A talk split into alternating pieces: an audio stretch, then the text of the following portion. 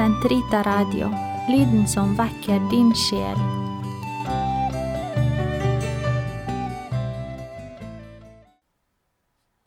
Den katolske kirkes katekisme, uke 30, torsdag 1461 til 1467. Den som meddeler sakramentet.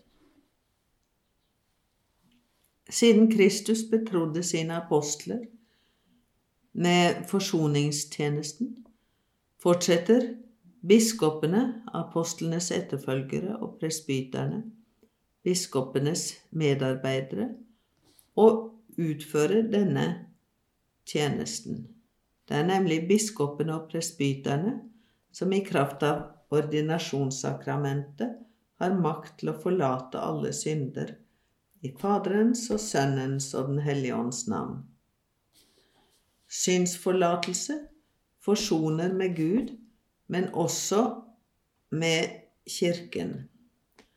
Biskopen, som overhode for lokalkirken, er derfor fra gammelt av blitt ansett for å være den som i første rekke er blitt betrodd med den tjeneste og den makt å forsone.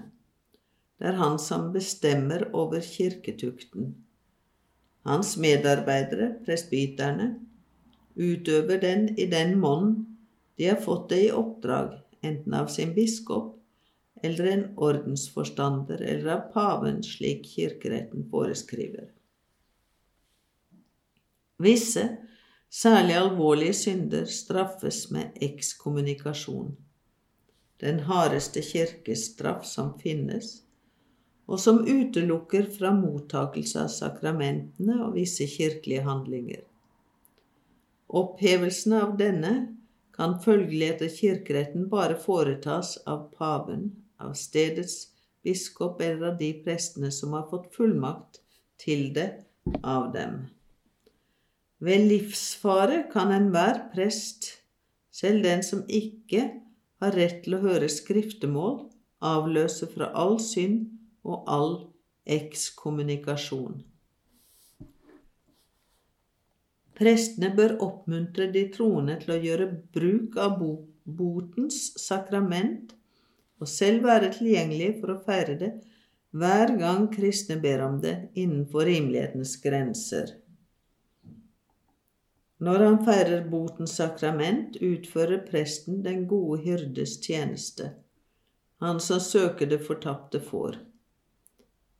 Han tjener lik den gode samaritaner som steller sår, lik faren som venter på den fortapte sønn og tar imot ham når han vender hjem, lik den rettferdige dommer som ikke går etter persons anseelse, og som avsier en dom som både er rettferdig og barmhjertig.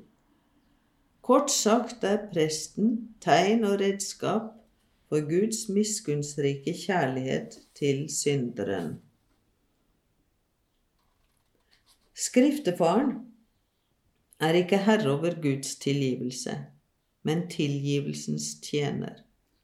Sakramentets tjener må gjøre Kristi hensikt og kjærlighet til sin. Han må ha velprøvet kjennskap til hvordan en kristen skal leve, ha erfaring i menneskelige saker og vise respekt og finfølelse overfor den som har falt. Han må elske sannheten være tro mot Kirkens læreembete og tålmodig føre den skriftene til helbredelse og full modenhet. Han må be og gjøre bot for vedkommende idet han overgir ham til Herrens miskunn. Så stor og så delikat som denne tjenesten er, og på grunn av den aktelse man skylder dem som skrifter, erklærer Kirken at hver prest som hører skriftemål, er pålagt full og hel taushetsplikt angående de synder hans skriftebarn har skriftet, under trussel om meget streng straff. Han kan heller ikke gi til kjenne det han har fått vite om penitentenes liv gjennom skriftemålet. Denne hemmeligheten, som ikke kjenner til unntak, kalles det sakramentale seil. for det som den skriftene har gjort presten kjent med, forblir forseglet av sakramentet.